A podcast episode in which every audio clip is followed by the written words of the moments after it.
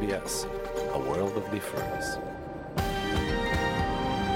You are with SBS Mongolia on mobile, online, and on radio. Та SBS Mongolian онлайн хөтөлбөртэй хамт байна.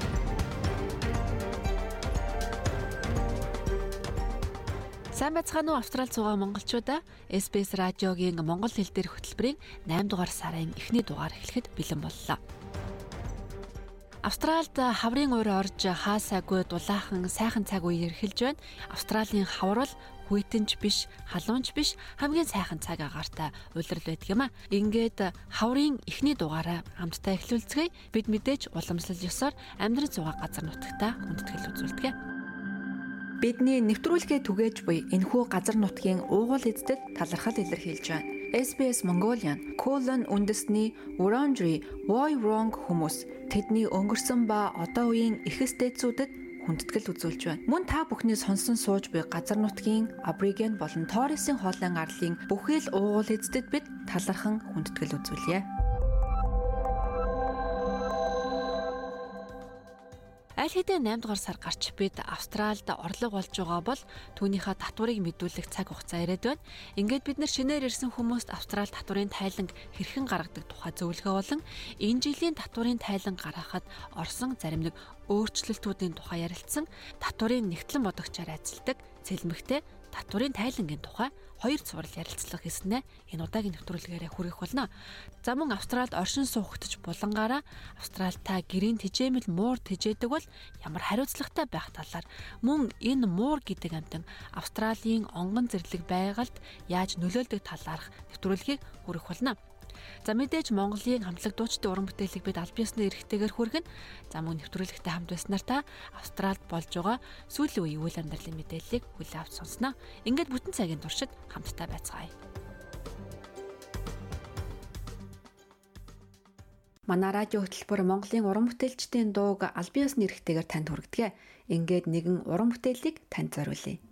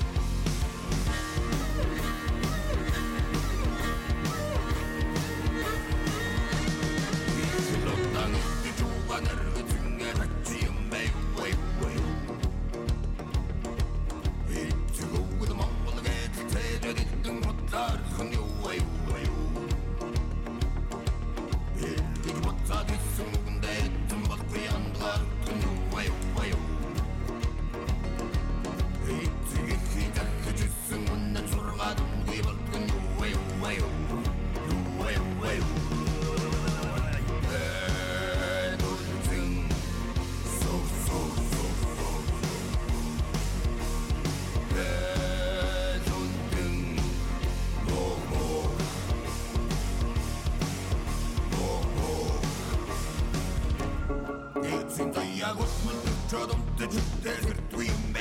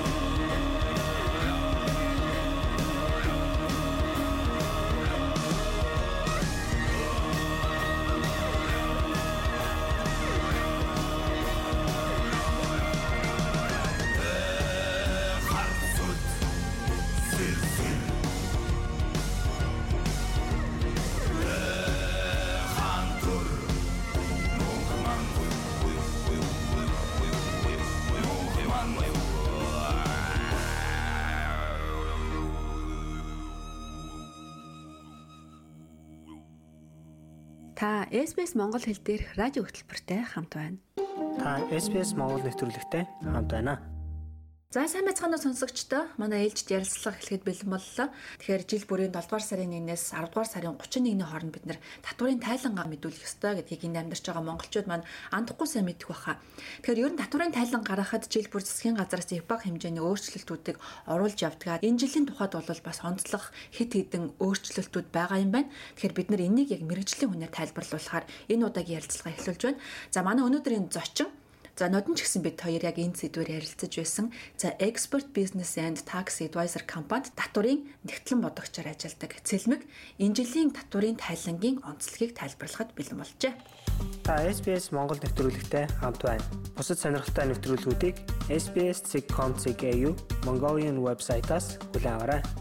Тэгээ бидний урилгыг хүлээж авсан маш их баярлалаа. За баярлалаа. Та бүхэндээ энэ өдрийн мэндийг хүргье. Энэ жилийн хувьд ямар ямар өөрчлөлтүүд байна? Ялангуяа энэ сүүлийн ковидоос хойш гэрээсээ ажиллаж байгаа офисын ажилчдад өөрчлөлтүүд гарсан харагдаж байсан. Энэ дээр та тайлбар өгөхгүй юу? Тийм, ерөнхийдөө бол тухайн татварын жилд ерөнхийдөө AT-г стандарт апдейт хийж явдаг юу юу өөрчлөгдсөн байна гэсгээ одоо хэлж байгаа. А working from home буюу гэрээсээ ажилласан тохиолдолд 52 цент байсан. Fixed rate буюу одоо ажилласан цаг тутамдаа гэрээсээ хэдэн цаг ажилласан тэрийгэ 52 центээр үржүүлээд татрын тайлан дээр одоо зарлаа тодорхойлдог байсан бол энэ жил 52 цент маань 67 цент болж өссөн байна. Тэгэхээр бүхэл удаа 15 центээр тий өсчихсөн. Тэгэхээр энэ нас нөгөө гэрээсээ ажиллаж байгаа хүмүүст хасагдах зардал өсөж өгнө гэсэн. Хасагдах зардал өсөж өгнө гэдэг маань таны татвар ногдгоорлого буураад таны төлөх татвар багасж өгнө гэсэн. Аа тэгээд энэ working from home дээр болохоор энэ fixed rate-ийн өөрчлөлтөөс гадна гэрээсээ ажиллаж байгаа тохиолдолд гэрдээ худалдаж авсан furniture компьютер те одоо тухайн ажилдаа хэрэгжилж байгаа IT-ийн програмууд юу гэдгийг те өөртөө хэрэгжилж байгаа бүх зүйлсүүдийгээ одоо хасагдах бүрэн юу нэгдэж өгсөн. Нодлон жил бол хасагдчихсан. Гэтэ бас тэр нь нөгөө лимит байсан байхгүй. Хязгаартай байсан. Энэ жил бол та өөрийнхөө гэрийнхаа хийц цахилгаан гэртээ одоо ажиллаж байгаа бас хүн авчраад гэрээ цэвэрлүүлсэн цэвэрлэгээний зардал тий гэртээ хоол идсэн meal allowance одоо юу гэдэг бүгдийг надад та асуулт хэрэгтэй болсон. Тэгэхээр энэ гэрээсээ ажиллаж байгаа хүмүүст бол нэлээд сайн асагдах зардал ч өндөрсөж өгч байгаа. Энэ нэгдүгээр өөрчлөлт. Аа. Энэ зардлуудаа бид нар яаж нотлох вэ? Жишээлбэл бид нэг гэртээсээ тэдэн цаг ажилласан гэдгээ нотлохын тулд магадгүй менежерээсээ тодорхойлт авах юм уу? Аа магадгүй би гэрээсээ ажиллаад ийм ийм зардлууд гаргасан гэдгээ нотлох бичиг баримтууд магадгүй биелүүдэд хадгалах хэрэгтэй ч юм уу те тийм зүйлүүд юун дээр анхаарах вэ? Яг зөв. Гэрээсээ ажиллаж байгаа тохиолдолд бол тэр тухайн газрынхаа ажиллаж байгаа газрынхаа менежер буюу супервайзертай имэйл бичилцэж одоо гэрээ хийсэн байж болно, амаараа тохирсон байж болно, эсвэл хөдөлмөрийн гэрээ хийж болно. Ийм гурван гэрээгээс зохицуулагдаад нотлох баримтуудынхаа ресептүүдийг одоо компьютер худалдаж авсан бол компьютер худалдаж авсан ресепт гар утас фурничер тавилга худалдаж авсан бол компьютерийн сандал ширээ те тухайн ажлыг хийхэд зарцуулагдаж байгаа бүх юмнууд орно. Гол нь э, ресептүүдийг цуглуулад сайхан хадгалаад авчих хэрэгтэй. Энд дээр нэг зүйлийг асуумаар байна. За би нодны авсан компьютер энэ жил ашиглалаа гэж бодоход дахиад шинэ компьютер авсан гэж баримт оруулж болох уу? Эсвэл нодлон та компьютер авсан байх шүү гэж харагдах уу? Болохгүй. А компьютер бол ерөөсөө нөгөө илэгдлийн зардлаар тооцогддог учраас тухайн тухайн жилдээ яг тухайн компьютерийн нэг жилийн илэгдлийн зардлыг багасж тооцсон гэсэн. Яг нь ер нь ажлын хэрэгцээ жишээлбэл энэ жил лаптоп очоод дараа жил би ингээд десктоп авмаар байна гэдэг десктоп авсан гэж болно. Тэрийг бол тухайн менежер чинь зөвшөөрөөд одоо танд аппров өгсөн байх хэвээр. Тэгхийн бол магадгүй бас дахиад та хоёр компьютерийн илэгдлийн зардлыг нэмээд оруулаад өгч болно гэсэн. За энэ жилийн татварын тал мэдүүлэгтэй холбоотой эхний өөрчлөлт бол энэ гэрээс ажиллаж байгаа хүмүүсийн rate нэмэгдсэн байна. Өөр ямар өөрчлөлтүүд байгаа вэ? Өөр болохоор нөгөө машинтай холбоотой car expenses а машина ажилдаа хэрэглэж байгаа хүмүүсийн нөгөө хоёр арга байдаг. Тэрний километр цент буюу тэр одоо нөгөө километр тутам төлдөг байсан, одоо хасагддаг байсан зардал нэмэгдсэн. 72 цент байсан 1 км тутам. Энэ маань 78 цент болж өөрчлөгдсөн. Жишээлбэл ерөнхийдөө максимум жилдээ 5000 км-аас дээш одоо travel хийсэн бол автоматар 5000 хамгийн максимум нь 5000 км гэж авдаг байхгүй хууч одоо 3600 доллар хасагддаг байсан бол энэ маань одоо 78 центээр үржүүлээд 3900 болж одоо өссөн байгаа. Тэгэхээр таны машины машинтай холбоотой зардал чинь 300 доллараар өссөн байна. Энэ ингээд хоёр дахь өөрчлөлт. А гурав дахь өөрчлөлт болохоор ерөнхийдөө нөгөө self education expenses буюу одоо тухайн ажил мэргэжилтэй холбоотой өөрөө хуваараа мөнгө төлөөд одоо мэрэгжлээ дэвшлүүлсэн тохиолдолд таны зардлууд бас бүгд хасагддаг болсон. Угаасаа урд нь хасагддаг байсан. Гэхдээ энэ нь бол нөгөө нэлээд одоо олон мэрэгжлүүдээр одоо нэмэгдэж өгсөн. Одоо жишээлбэл би CPA буюу мэрэгсэн нэгтлэн бодогч болоход би нэлээд өндөр дүн төлдөг тийм ээ. Энэ дүнгээ би буцаагаад клайм хийгээд авдаг болсон байна. Энэ дээр бол нэлээд олон мэрэгжлүүд орж ирсэн. Nurse, цэвэрлэгч, дээрэс нь одоо aged care өгшин настай хүн асардаг дахин орд те ерөөсөө нөө 300-аас 500 доллар төлдөг тэр ихтгэл одоо нөө TAFE сураад тэр төлбөрөөр хүртэл орно. Яагаад гэвэл тэр хүнийг тухайн ажил олгогч та энэ курсыг заавал төгссөн байх ёстой. Ийм сертификаттай байх юм бол та манад ажиллах ёстой гэдэг шаардлага тавиад тэр хүн өөрөөсөө хувьяасаа мөнгө гаргаж сурсан бол энэ бүгд эргүүлээд клайм хийж одоо энийгээ зардалтаар тавьж болно гэсэн. Аа. Энэ өстой мэдмээр юм байна. Заавар ямар өөрчлөлтүүд байгаа вэ? За энэ хоёр тэр төрөний гэрээсээ ажиллах энэ машины километр метод энэ нөгөө листүүд нэмэгдсэн. За тэрнээс гадна бол нэг онцгийн бол өөрчлөлт ороогүй. Татрын хувь хэмжээ бол яг хэвээр байгаа. Дээрээс нөгөө нэг бид нар ерөнхийдөө central leg гэж манайх бидж байгаа тий. High risk setting гэх pandemic payment гэж байдаг. Энэ болохоор яг нөгөө энэ ковидын үеэр ажиллаж байсан одоо хүртэл нөгөө нэг ковидын тест авдаг хүмүүстэй дээрээс нөгөө маск гар ариутгаач gloves бэлээ дээр хэрглэж байгаа одоо яг тухайн нөгөө high riskтэй орчинд ажиллаж байгаа хүмүүс 250 доллар apply гэж авдгийн энэ маань болохоор татвар ногдоход орлогын дүнд орохгүй а бусад яг Centerlink-аас авж байгаа бүх одоо payment-ууд бол бүгд одоо татварын орлого дээр чи нэмэгдэж орно. Угаасаа урд нь тэгж орж ирдэг байсан. Гэхдээ энэ тэр high riskтэй ажиллаж байгаа хүмүүсийн 250 доллар Centerlink-аас авсан хүмүүсийг татвар ногдох орлогоос чөлөөж байгаа нэг бол apply хийхгүй гэж ойлгож байна. Төгсгөлд нэг ийм зүйлийг асуумаар байна. Ер нь бид нэр энэ tax return хийн гэдэг маань Австрал орон сууцны зээл авах, машин гар утасны зээл авах бүх зүйл орлого нотлох гол баримт бол энэ tax return гэсэн энэ баримт байдаг. Тэгэхээр энэний ач холбогдлыг тавас хүмүүс тайлбарлаад хэлээд өгвөл. Аа яг зөв. Аа ер нь бол tax return гэдэг маань санхүүгийн маш том баримт болж байгаа. Таны хувьд тэгэхээр энэ дээр манай монголчууд маш сайн анхаарал тавихгүй болоод ихэнх дээлэнх тохиолдолд заавалжгүй орсон орлогоо бууруулах гэдэг зорилго нь цаана татвар баг төлөхийн тулд. Тэгэхээр та татвар баг төлөхийн тулд тухайн үедээ татвар олсон орлогоо бууруулна гэдэг маань энэ бол рисктэй. Дараа нь танд бол ерөөсөө та жишээлбэл 100 сая долларын орлого олдог байсан хүн яг амьдрал дээр яг татвараа баг төлөхийн тулд тэрийг нэг 70 мянга эсвэл 20 мянга болгочдөг одоо такс төлөхгүй босгыг даахгүй тий. Тэгэхээр эн чинь таны орлогыг тодорхойлоод өө энэ хүн орлого маш муу байна. Энэ хүнд одоо зээл өгөхөд хангалтгүй гэж үзээд таны одоо цаашдын ирээдүйн тэр нөгөө авах засгийн газраас авах эсвэл одоо энэ улсаас авах тэр юунаач бол хаагдаж өгнө. Ирээдүйдийн дудаа амьдрий PR-та болон хүүхдүүдэд энэ ч сургууль соёл сургыг education loan юмд ерөөсөө энэ санхүүгийн баримт болж өгдөг учраас аль болох үнэн зөв олсон орлогоо тодорхойлоод тэр орлоготой холбоотой зардлаа хасаад татвараа үнэн зөвөөр мэдээлэх нь маш чухал шүү. Тэгээд бодлоо юм хийгээд ивэл тэгэл угаасаа тэр чинь ерөөсөө шалгалтаар баригдал гараад ирнэ. Тийм учраас анхнаасаа тухайн амьдарч байгаа улсынхаа хууль журмыг дагаад яг үнэн зөв татраа мэдээлээд ингээ явах юм бол таны татвар төлөлт таны орлогыг тодорхойлох хамгийн том үндсэн санхүүгийн баримт. Тэгэл дахин дахин хэлмээр байна да. Ер нь бид нар энэ оруулж байгаа баримтуудыг бидний мэдүүлж байгаа татварын тайланг үнэн зөв бодтой эсхийг ATO яаж шалгах юм бэ? Ер нь намайг шалгаж байгаа юу? Шалгаж байгаа. Ерөөсө татвар төлөгч болгоныг ер нь ATO шалгахад маш амархан Ерөөсөл ATO юу шалгадаг вэ гэхээр орлого мэдээж хөдлөхгүй. Таны олсон орлого бол тухайн ажил залгагч таны орлогыг ATO-р өөрснөө мэдээлж байгаа шүү дээ.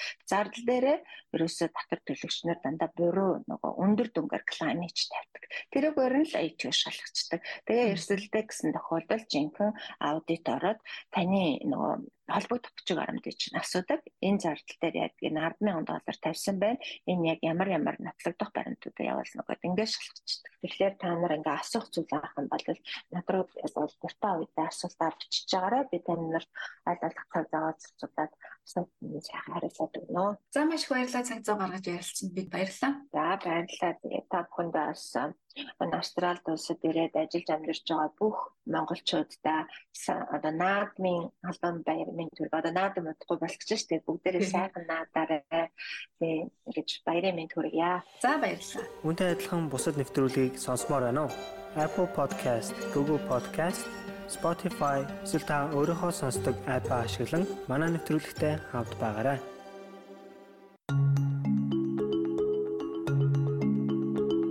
SBS Mongolian танд таалагдсан бол сошиал ертөнцид бидэнтэй холбогдож ярилцаарай. Та биднийг Facebook-ээс SBS Mongolian гэж хайгаад олох боломжтой. SBS Mongolian радио хөтөлбөртэй хамт байгаа танд баярлалаа. Одоо Австралид оршин суух хөтөч нэвтрүүлгийг хүлээн авч сонсцгоё. Та SBS Монгол нэвтрүүлэгтэй хамт байна. Сайн байцгаана уу? Австралид оршин суух хөтөч болонгийн шинэ дугаар хүрч байна. Бид энэ удаад та Австралид муур тэжээдэг бол эзэмшигчийн хувьд ямар хариуцлага хүлээдэг? За муурны сайн ба саар талуудын талаар бид ярилцах болно. Муур бол гэртээ тэжээхэд эзэндээ гайхалтай сайн хань болдог амтан. Түүгээрч зогсохгүй хүний эрүүл мэндэд олон төрлийн ашиг тустай байдаг үлээ. Гэхдээ Австралийн төрлөх зэрлэг ан амьтдад тэнүүлч муурнууд сөргөөр нөлөөлдөг байна. Зөвхөн тэнүүлчд гэлгүй гэрийн тэжээмэл мурч байгалийн ан амьтанд занал хийлж бүр устдах аюулт хүргэдэг.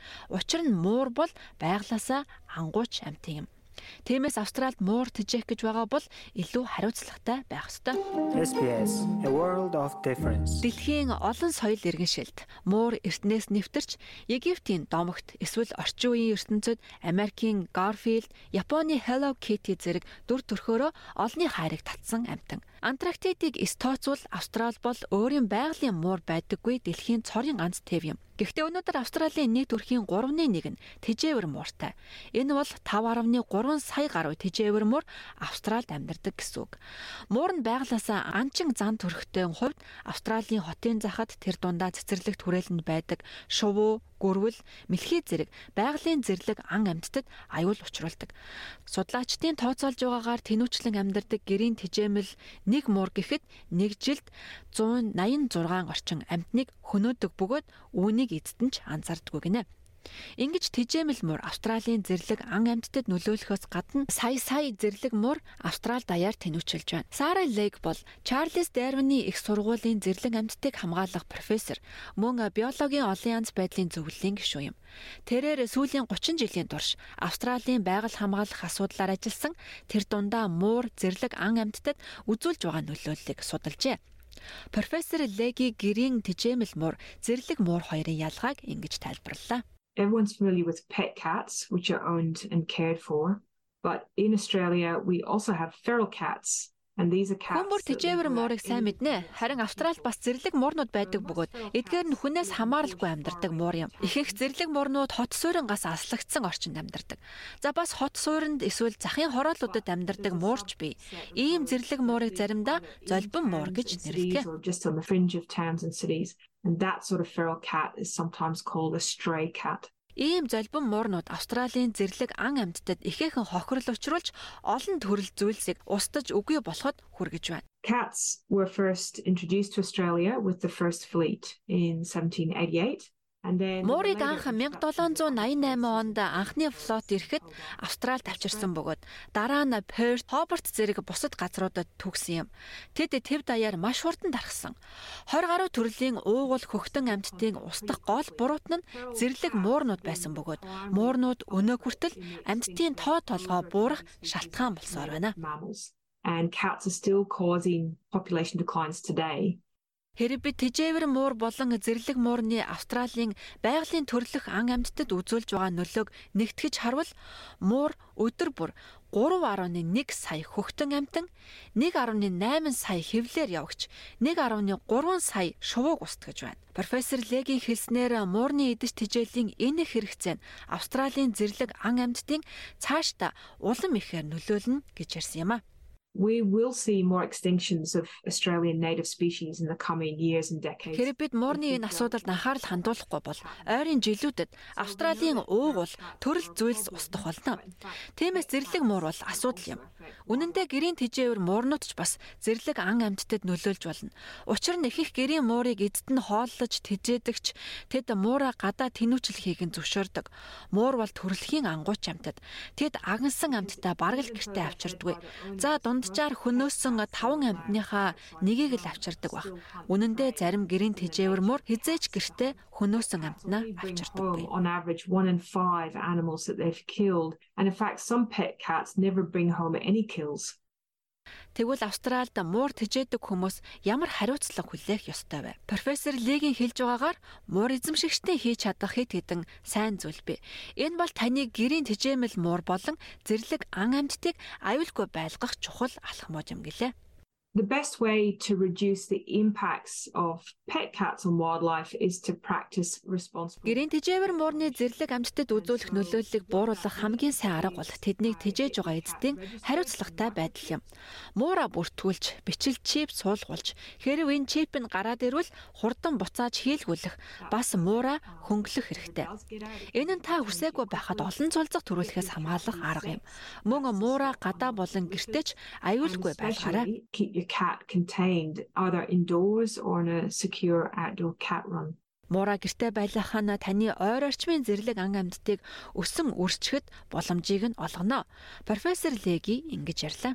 If you can do all of these things um Хэрэг та муура аюулгүй байлга бол энэ нь зөвхөн зэрлэг ан амьдтыг аюулаас хамгаалахаар зогсохгүй хамгаалаад зогсохгүй та өөрийн муурагч бас хамгаалж байгаа хэрэг юм. Тэд нохоод бариулах, машинд мөргүүлэх, өвчин эмгэх тусах зэрэг гадуур тэнүүчлэхэд нь тэдэнд учирч болох бусад эрсдлээс хамгаалж байгаа хэрэг юм а out at large. Хэрв та гэрийн тэжээвэр мууртай бол эсвэл муур авахар төлөвлөж байгаа бол амьтны эмчэд тогтмол очиж үзүүлэх нь таны муурыг эрүүл аз жаргалтай байлгахад туслана. Бид амьтны эмч доктор Гарнет Холтой ярилцлаа. Тэрээр Австралийн мал эмнэлгийн нийгэмлэгийн баруун Австрали дахь салбарын ерөнхийлөгч юм а. Муурны эрүүл мэндийн мэдээллийн үндсэн их сурвалж нь мэрэгжлийн эмч байх ёстой гэж тэрээр яриагаа эхлүүлсэн юм а. Make sure you find a vet to perform annual health exams vaccinations. Жилбүр муурныхаа эрүүл мэндийн үзлэгийг хийлгэж вакцинжуулалт, шимэгч хорхоонууд болон шаардлагатай эмчилгээний төлөвлөгөөг хамт гаргах эмчтэй байгаарай. Муурн шүд бөөр зүрх, үе мөчний өрөвсөл, арьс эсвэл олон янзын бусад өвчнөөр өвдөх магадлалтай байдаг. Эдгээр өвчнөө нь аль болох хурдан илрүүлж, эмчлэх нь хамгийн сайн арга бөгөөд орон нутгийн амьтны эмчтэйгээ энэ тухай ярилцах хэрэгтэй. As soon as possible and the best way to do this is to have a great relationship with your local vet. Хэрвээ гэрийн тэжээмэл муур гадаа тэнүүчилж байвал бусад амьдлалттай зодтолтож, гэмтэх эсвэл өвчин тусах эрсдэлтэй байж болзошгүй хэмээн доктор Хоол ярьсан юм а. Cats will often fight each other, causing a lot of nasty. Муур нэгчлэн бие биетэйгээ тулалдаж олон тооны эвгүй гэмтэл авдаг. Түүнчлэн FIV гэх мэт өвчин машины осолдож өртөх магадлалтай. Муур зэрлэг амьтдын хослол хизээч сайнаар төсдөггүй. Муур бол төрөлхийн алуурчин амьтан. Энэ зан авир нь тэднийг тоглоход ч тусгагдсан байдаг. Тэд хөөх, цохих, хазах дуртай. Гэрээс гадуур хорчинд иймэрхүү зан нь үхлийн аюултай ам болж хувирдаг бөгөөд тэдний хоол нь шувуу, гөрвөл, мэлхий болон бусад зэрлэг амьтад become birds, lizards, frogs and other wildlife. Ийм учраас гэрийн тэжээвэр муура гэрте байлгах нь чухал. Мөн муура гэр бүлийн нэг хэсэг гэж үзэх нь чухал юм хэмээн доктор Хоол ярьж байна. Think of a pet cat as part of your family. Гэрийн тэжээвэр муурыг гэр бүлийнхээ нэг хэсэг гэж бодоорой. Яг л бидэнтэй адил тэдэнд гэр бүлийн аюулгүй орчин, тогтмол эрүүл хооллолт, вакцинжуулалт, шимэгч хорхоонуудын эсрэг үйлчилгээ, эмчилгээ, сэтгэл санааны дэмжлэг, асар их хайр хэрэгтэй. Гэрийн тэжээвэр муур тэжээх тухай хууль Австралид бий. Та Австралийн хаана амьдарч байгаас хамааран энэ хууль өөр өөр байдаг. Энэ тухайд профессор Лиги ингэж тайлбарллаа. So the laws about pet cat management are set by the states and territories. Гэрийн тэжээвэр муурны менежментийн тухай хуулийг мужи нутаг дэвсгэрээр тогтоодгоо.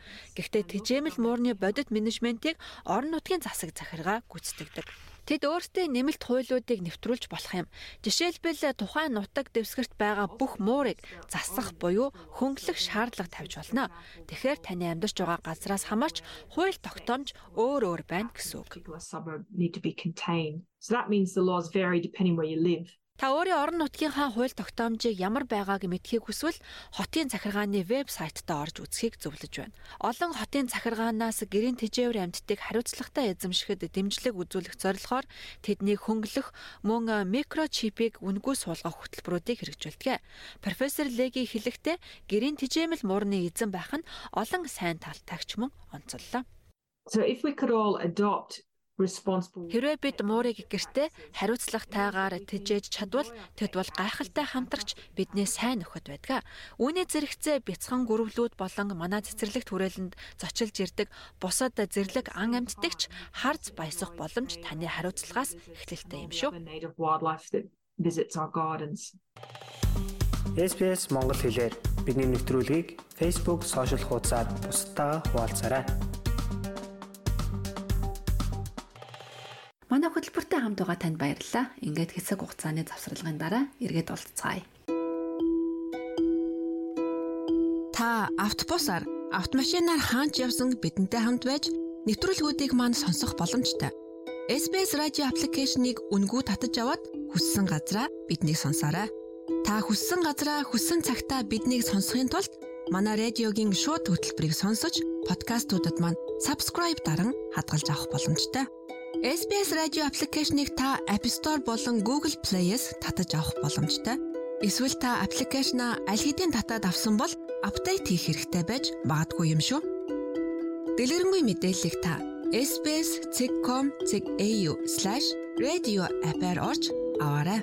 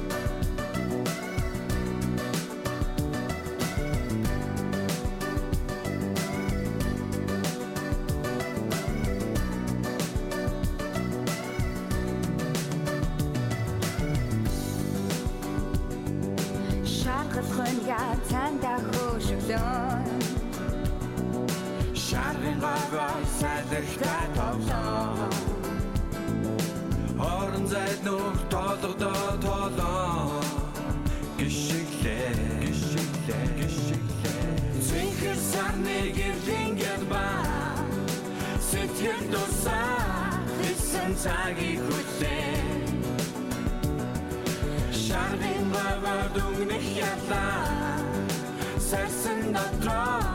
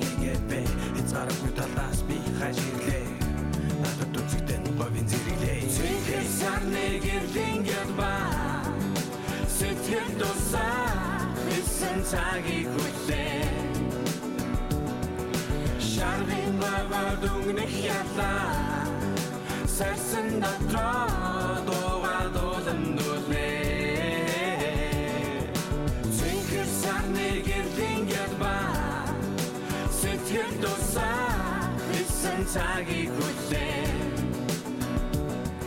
Шарвин бава дүнгнэх ялаа Сарсан дотроо дууга дуулан дуулээ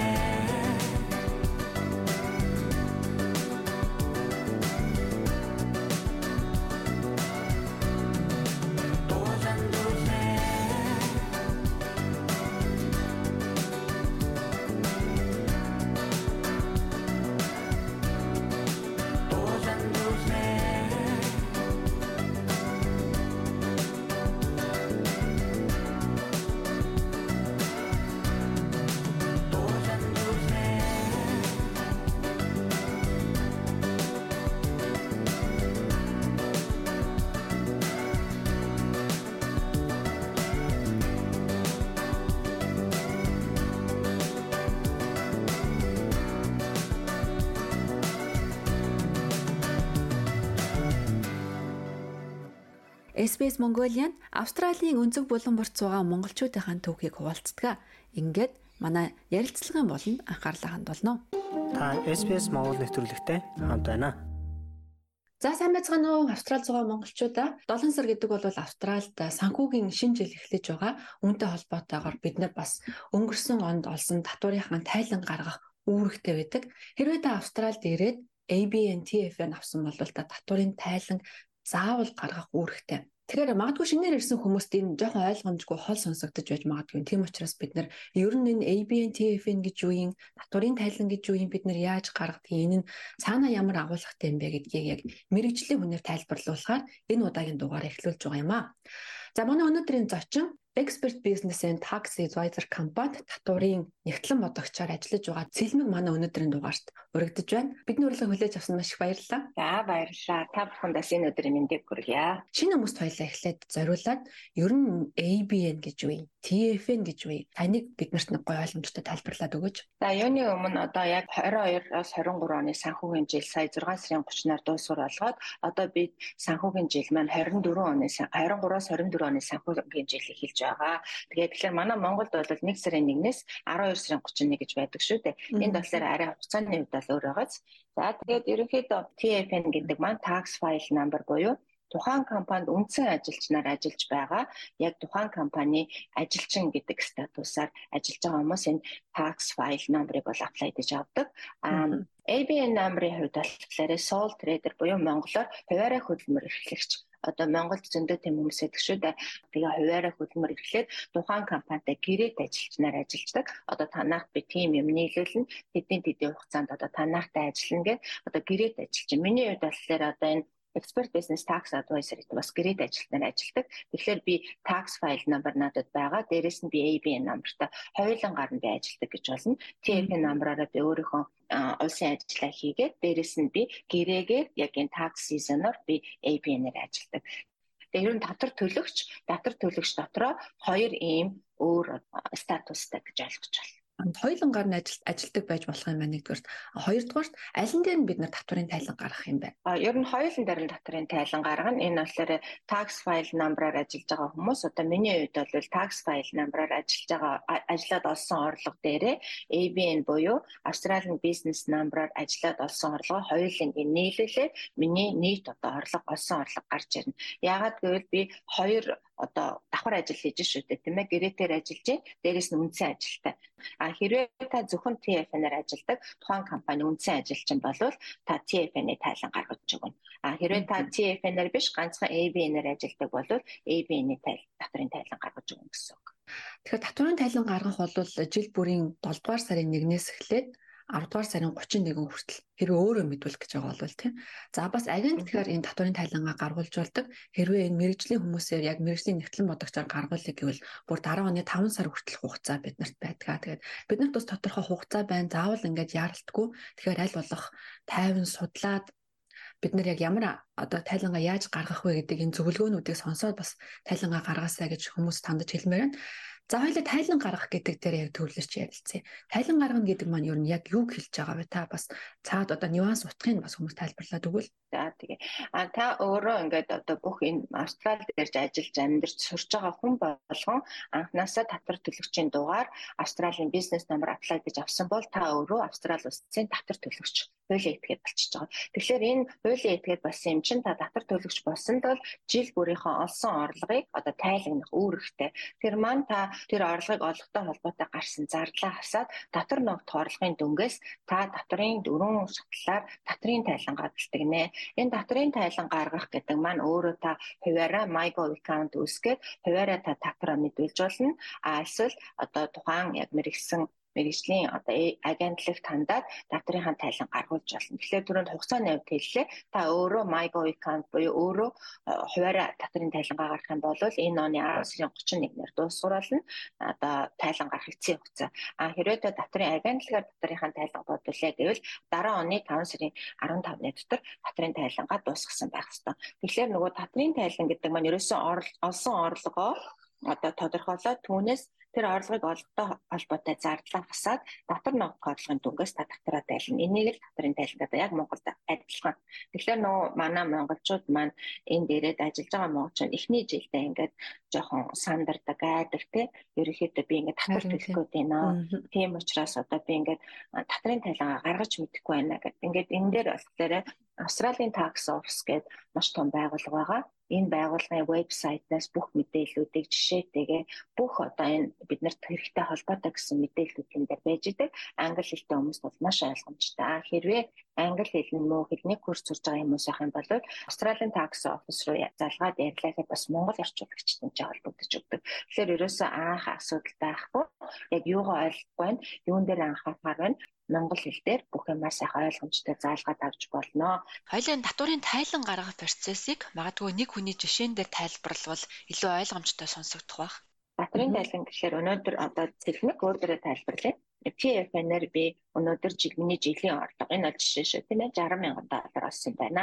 60 мянган доллар олсон байна. Би дахиад ABN-ээрээ би 20 мянган долларын орлого олсон гэж одоо жилдээ. Тэгэхээр би 80 мянган доллароос би татвар төлнө те 80 мянган доллароос гэдэг шууд би хасагдах зардал хасчиж татвар ногт хорлогын дөнгөөсөө татвар төлнө. Хүмүүс бодохдоо би 80 мянган доллар жилд олсон юм чинь шууд энээсээ татварын хуваар би шууд хувлаад бодоод татвараа төлөх ёстой гэж ойлгодог. Үгүй энэ орлогыг олохтой холбоотой гарсан зардал гэж байдаг. Тэр хасагдах зардлуудыг манайхан сайн төдийлөн одоо тодорхойлж чаддаггүй. Тэгэхээр ATO-гоос угаасаа тухайн мэрэгжилдээр ажилласан одоо татраас хасагдах зардал нь тийм хэмжээтэй тэдээс итерхгүй байна гэдээ бүр лимитийн заагаад тийм тийм зардлууд хасагдана гэж заагаад өгсөн байдаг. Тэгэхээр энэ дээр бол ерөөсөө одоо жишээлбэл цэвэрлэгээ хийж байгаа, дээр ажиллаж байгаа, офисоос ажиллаж байгаа, оффист ажилладаг, офисын ажилтан бүх нөгөө нэг ажлын төрлүүд дээр бүр заагаад өгсөн байдаг учраас ерөөсөө санаа санаа зовх юмгүй. Яг л тэр тухайн орлогыг олохдоо гарсан бүх зардлууд бол хасагдаж байгаа. Одоо тэгэхээр би 80 мянган доллар олсон. Миний хасагдах зардал хоёр ажлаас хоёулангаас нь би 20 мянган долларын зардал гарсан гэж үзэх юм бол яг хөө миний татвар ногдох орлого 60 мянган доллар болно тийм ээ. Тэгэхээр 60 мянган доллар гэхлээр би нөгөө татварын хувь хэмжээ гэдэг байхгүй юу? 45 мянган доллароос 120 мянган долларын одоо хувь хэмжээнд ороод би 32.5% татвар төлнө гэсэн үг 60 мянгаас. Тэр нөө татвар ногдох орлогын дүнгээс. Австрал татварын хэдэн төрлийн шатлал байдаг вэ? За татвар төлөхгүй хамгийн доод орлоготой түвшин гэж байгаа тий. Тэгэхээр энэ нь юу н хэд хүртэлх долларын орлогыг татвар төлөхгүй орлого гэж ойлгодог бай. Тэр нэг хувь хэмжээ, татварын хувь хэмжээ одоо байдаг.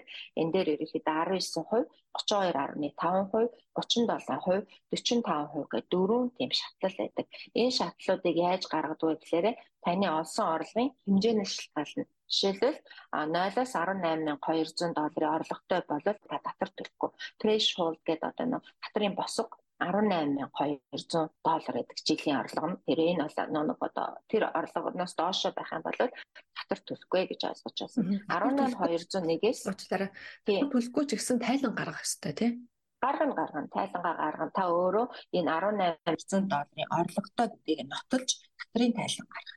Тэгэхээр дээж татварын тайлан гаргасны дараагаар та төлөхгүй нэг лojment хийгдэж угаасаа таны tax estimation одоо tax calculator чинь бодоод та татвар төлөхгүй юм байна гэд гараад ирнэ.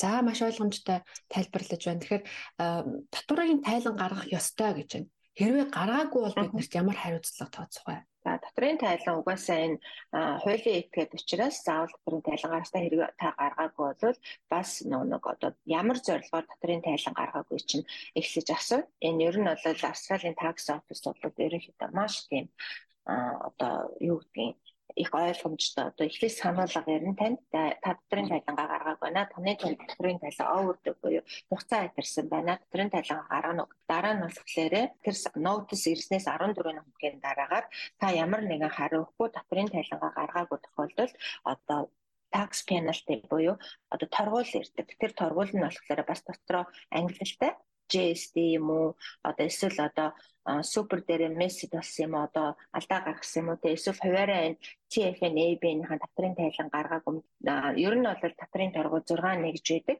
Нэг нэгжин жил жилээс хамаарат. Одоо жишээлбэл энэ жилийн 23 оны 1 сарын 1-ээс 23 оны 6 сарын 30-ны одоо нэг нэг чинь одоо 275 доллараар торгохоор заагдсан байна. Тэгэхээр энэ 275 доллар ч ерөөсөө эхний одоо юнит буюу эхний хэмжээний торгуулийн дүн гэсэн. А энэ нь цаашаа 6 нэгжээр өрчигдөнө.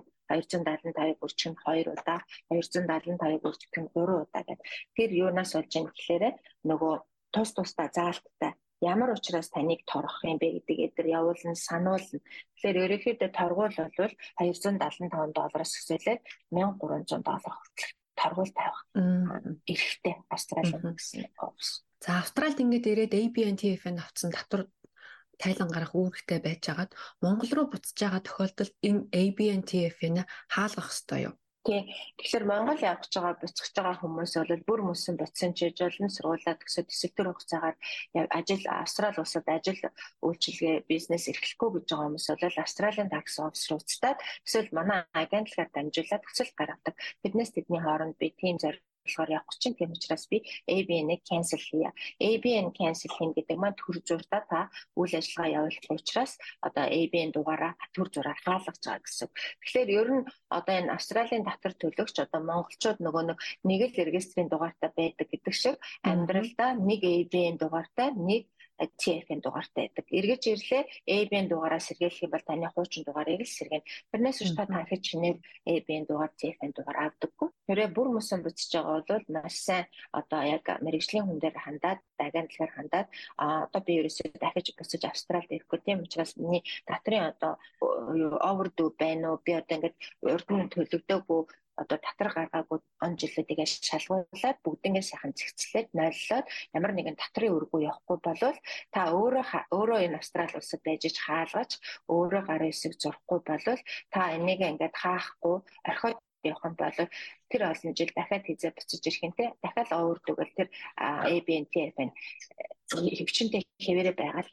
Тэгэхээр энэ дээр манай монголчууд бас анхаарал яг Австралиас бүр мөс мөсөн буцаж байгаа тохиолдолд заавалжгүй ABNTF нэ хаалгаад явсан дээр байдаг шүү. Одоо төр cancel гэж болно, бүр мөсөн cancel гэж болно. А гэхдээ миний ажиллаж байгаагаар бол ерөнхийдөө би эбэнээр ажиллахаараа болцоо. Би өөртөө эбэнээр ямар ч орлого олоогүй.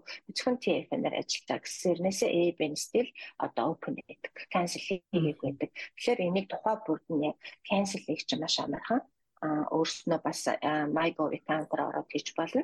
Эсвэл AT-ээр ууцтаж болно. Эсвэл манай дотрын агентлагт хандаж болно. За. За маш их баярлалаа цаг зав гаргаж ярилцсан. Бидний мэдхгүй зүйл одоо маш их байдаг юм байна. Энэ үнийг маш ойлгомжтой ангийн үгээр бид нэр тайлбарлаж өгсөн танд баярлалаа. За баярлалаа. За баяртай. SPS Монгол хэлээр бидний нэвтрүүлгийг Facebook сошиал хуудасаар бусдаа хуваалцаарай. SBS Mongolia хөтөлбөртэй хамт байгаа танд баярлалаа. Та SPS Монгол нэвтрүүлэгтэй хамт байна. За сайн байцгаана уу сонсогчдоо. Улс орнуудын паспорт дэлхийн хэдэн улсад визгүй зорчих эрхтэй байдаг чансааг арна жагсаалт гаргасан байна. Тэгвэл 2023 оны жагсаалт хэдхэн хоногийн өмнө бэлэн болжээ. Дэлхийн хамгийн хүчирхэг паспорттой гэгдэг Япон улсын байр ухарч харин Австралийн паспорт зэрэглэл агсан байна. Япон улс 5 жилийн туршид энэхүү жагсаалтыг тэргүүлж байсан юм. Гэвч 2023 оны ирэмбэр дэлхийн 227 чиглэлд 192-т нь визгүй зорчих боломжтой гэдгээрээ Сингапурын паспорт дэлхийн хамгийн хүчирхэг паспорт гэсэн байр суурийг эзэлжээ. Герман, Итали, Испани улсууд 190 чиглэлд визгүй зорчдог болсноор 2 дугаар бичигдсэн байна. Харин жагсаалтын 3 дугаар байрыг 7 улс хуваан эзэмшиж байна. Энд Япон, Австри, Финланд, Франц, Люксембург, Өмнөд Солонгос болон Шведийн паспорт эзэмсэгчид 189 чиглэлд визгүй зарчих боломжтойгоогоор 3-т оржээ. Харин Их Британи 6 жил үзүүлэлтэнд буурсны дараа дахин сэргэж 4-р байр руу шилжлээ. Дани, Ирланд, Нидерланд улсууд 188 чиглэлд зорчдгоороо хамтдаа 4-р байрыг эзэлж байна. Тэгвэл Австрали улс 186 чиглэлд визгүй зорчих эрхтэй гэдгээрээ жагсаалтын 6 дугаард орж өмнөх жагсаалтаас 2 байр урагшилсан байна. Америкийн нэгдсэн улсын хувьд 10 жилийн турш индексээрээ доошилсон хэвээр байна.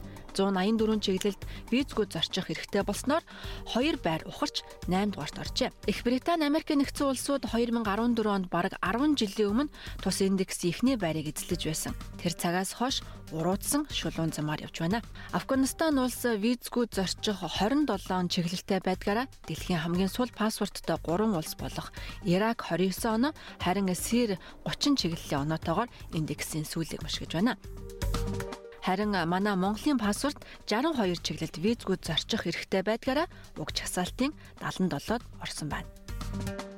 За тэгвэл Хайнли паспортын индекс гэж юу вэ? Энэ нь олон улсын агаарын тээврийн агентлагийн өгөгдлийг ашиглан 199 улсын паспортыг 227 чиглэлд визгүй зорчих боломжуудыг харьцуулан үздэг юм. Лондонд төвтэй Hanley and Partners хөрөнгө оруулалтын шилжилт хөтөлбөрөний зөвлөх энэхүү жагсаалтыг 18 жилийн туршид гаргасаар иржээ. 2006 онд нэг улсын визгүй зорчдог аялагчдын дундаж тоо 58 байсан бол энэ тоо бараг 2 дахин нэмэгдэж 2023 он гэхэд дунджаар 109 чиглэлд нэг улс визгүй зорчдог болжээ. Гэхдээ дээд ба доод талын хоорондох ялгаа урд өмнө нь байгаагүй их байна.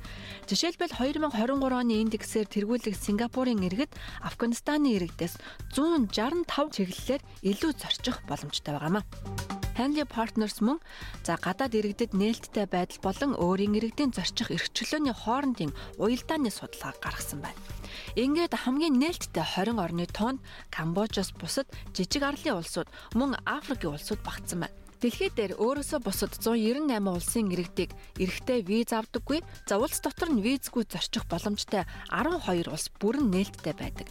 Эдгээр нь Бурунди, Каморын арлууд, Жибути, Малдив, Мозамбик, Руанда, Самоа, Сишелийн арлууд, Тимор зүүн Тимор, Тувалу улсууд бүрэн нээлттэй улс байдаг юм а.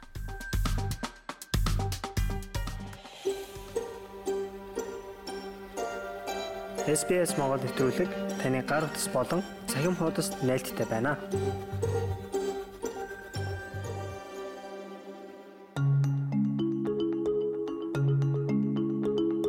SBS Mongolian танд таалагдсан бол сошиал ертөнцид бидэнтэй холбогдож ярилцаарай. Та биднийг Facebook-ээс SBS Mongolian гэж хайгаад олох боломжтой. Та SBS Монгол хэл дээрх радио хөтөлбөртэй хамт байна. Та SBS Монгол нэвтрүүлэгтэй хамт байна. сайн байцгаана уу сонсогчдоо. Энэ оны сүүлээр уугуул иргэдийн дуу хоолойг парламентэд хүргэх эсэх талаар бүх нийтийн санал асуулга болно. Энэ санал асуулганд түүхэнд байгаагүй хамгийн олон хүн оролцохоор бүртгүүлжээ. Сонгогчдын тоо нэмэгдэж байгаа нь ардчлалын гайхамшиг гэж Австралийн сонгуулийн хороо мэдэгджээ. Парламентэд уугуул иргэдийн дуу хоолойг хүргэх эсэх бүх нийтийн санал асуулгын өмнө Австралийн хамгийн олон иргэн санал өгөхөөр бүртгүүлжээ. Австралийн сонгуулийн хорооны мэдээлснээр улсын хэмжээнд санал хураалтанд оролцогчдын төвшин 2022 оны эцэст 97.1% байсан бол одоо 97.5% хүрээд байгаа юм а. Энэ нь 2023 оны бүх нийтийн санал асуулга Австралийн түүхэн дэх аль ч холбооны сонгуулиас илүү ардчилсан оролцоотой хамгийн өргөн хүрээний санал асуулга болно гэсэн үг юм а. Австралчууд санал өгөх бүх нийтийн санал асуулгад оролцох, сонгуульд оролцохдоо заавал бүртгүүлэх ёстой. Бүртгэлийн дээд хэмжээ нь олон хүн саналаа өгнө гэсэн үг биш. Эсвэл бүх нийтийн санал асуулгад итэвхтэйгээр хандна гэсэн үг биш юм а гэж сонгуулийн ерөнхий хороо мэдгдсэн. За тэгвэл Австралийн сонгуулийн комиссар Том Рожерс мягмар гарагт ABC радиод ярилцлага өгөхдөө бүртгэлийн төвшин үнэхээр өндөр байгаа нь бидэнд өндөр санал авна гэсэн үг биш юм а. Үнэн хэрэгтээ заримдаа бүртгэл өндөр байх тусам сонгуулийн эрс буурдаг гэж ярьжээ. Австралийн уугуул иргэд болон Northern Territory-гийнхний санал хураалтанд оролцогчдын бүртгэл энэ жил анх удаа 90%-аас дээш байна. Австралийн уугуул иргэд гэхэд өнгөрсөн оны сүүлчээс 60 мянгаар илүү байгаа юм. Тэгвэл 18-аас 24 насны Австралийн залуучууд ч мөн сонгуульд хамрагдах хамгийн өндөр түвшинд хүрчээ. 6 сарын өмнө 87.6% таа байсан бол одоо 90.3% болсон байна. Австралчууд энэ үзүүлэлтээр бахархах ёстой. Энэ бол орчин үеийн ардчлалын гайхамшиг гэхээс өөр аргагүй гэж сонгуулийн хорооны Рожерс ярьжээ. Үндэсний хэмжээнд санал хураалтанд бүртгүүлэгчдийн тоо нэмэгдсээр байгаа бөгөөд муж нутаг дэвсгэр бүрийн төвшин дээд амжилтандаа хүрсэн. За эсвэл тун ойрхон байна. За бас баг хамрагддаг хэсгүүдийн бүртгэлч нэмэгдсээр байна. Тэд бүх нийтийн санал асуулгад оролцохоор ирэхэд австралчуудаас voice буюу дуу хоолойг үндсэн хуульд тусгах эсхийг асуух юм. Та санал хураалтын нэрсийн жагсаалтанд орсон хэсгээ хэрхэн шалгах вэ?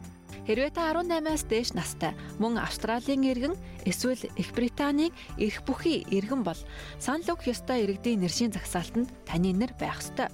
Та сонгуулийн хорооны вебсайтаас дэлгэрэнгүй мэдээллийг шалгаж үзээрэй. Энэ оны 10-аас 12 дугаар сарын хооронд болох бүх нийтийн санал асуулгаас өмнө та одоо амьдарч байгаа хаягийн дэлгэрэнгүй мэдээллийг үнэн зөв шинчилсэн байдлаар оруулах нь чухал юм. Одоогоор санал хураалт болох өдрийг зарлаагүй байна. Та өөрийн мэдээллийг шинчлэх хамгийн хялбар арга бол Австралийн сонгуулийн хорооны вебсайтаар орох юм танд жолооны үнэмлэх, Австралийн паспортын дугаар, Medicare-ийн карт, Австралийн иргэний харьяаллын дугаар хэрэг болно. Эсвэл та онлайнаар эсвэл Австралийн сонгуулийн хорооны офисоос маягт авч бөглөөд офис руу буцаан илгээх боломжтой. Австралийн сонгуулийн хороо нь хуулиар зөвшөөрөгдсөн бусад төрийн байгууллагаас таны мэдээллийг авсан бол таны мэдээлэл шинжлэгдсэн байж болно.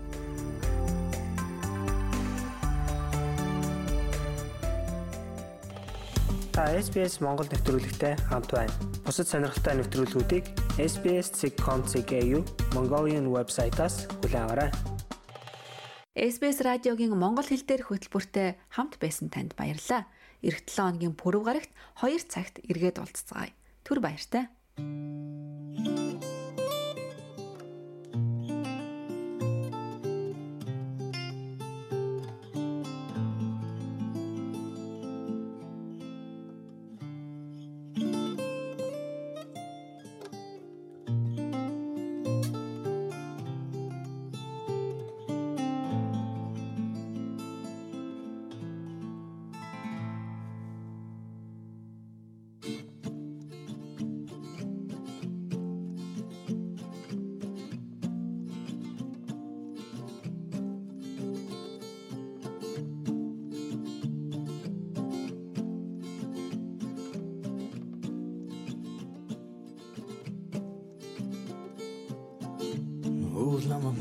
өв намайг март гэж хэлээ.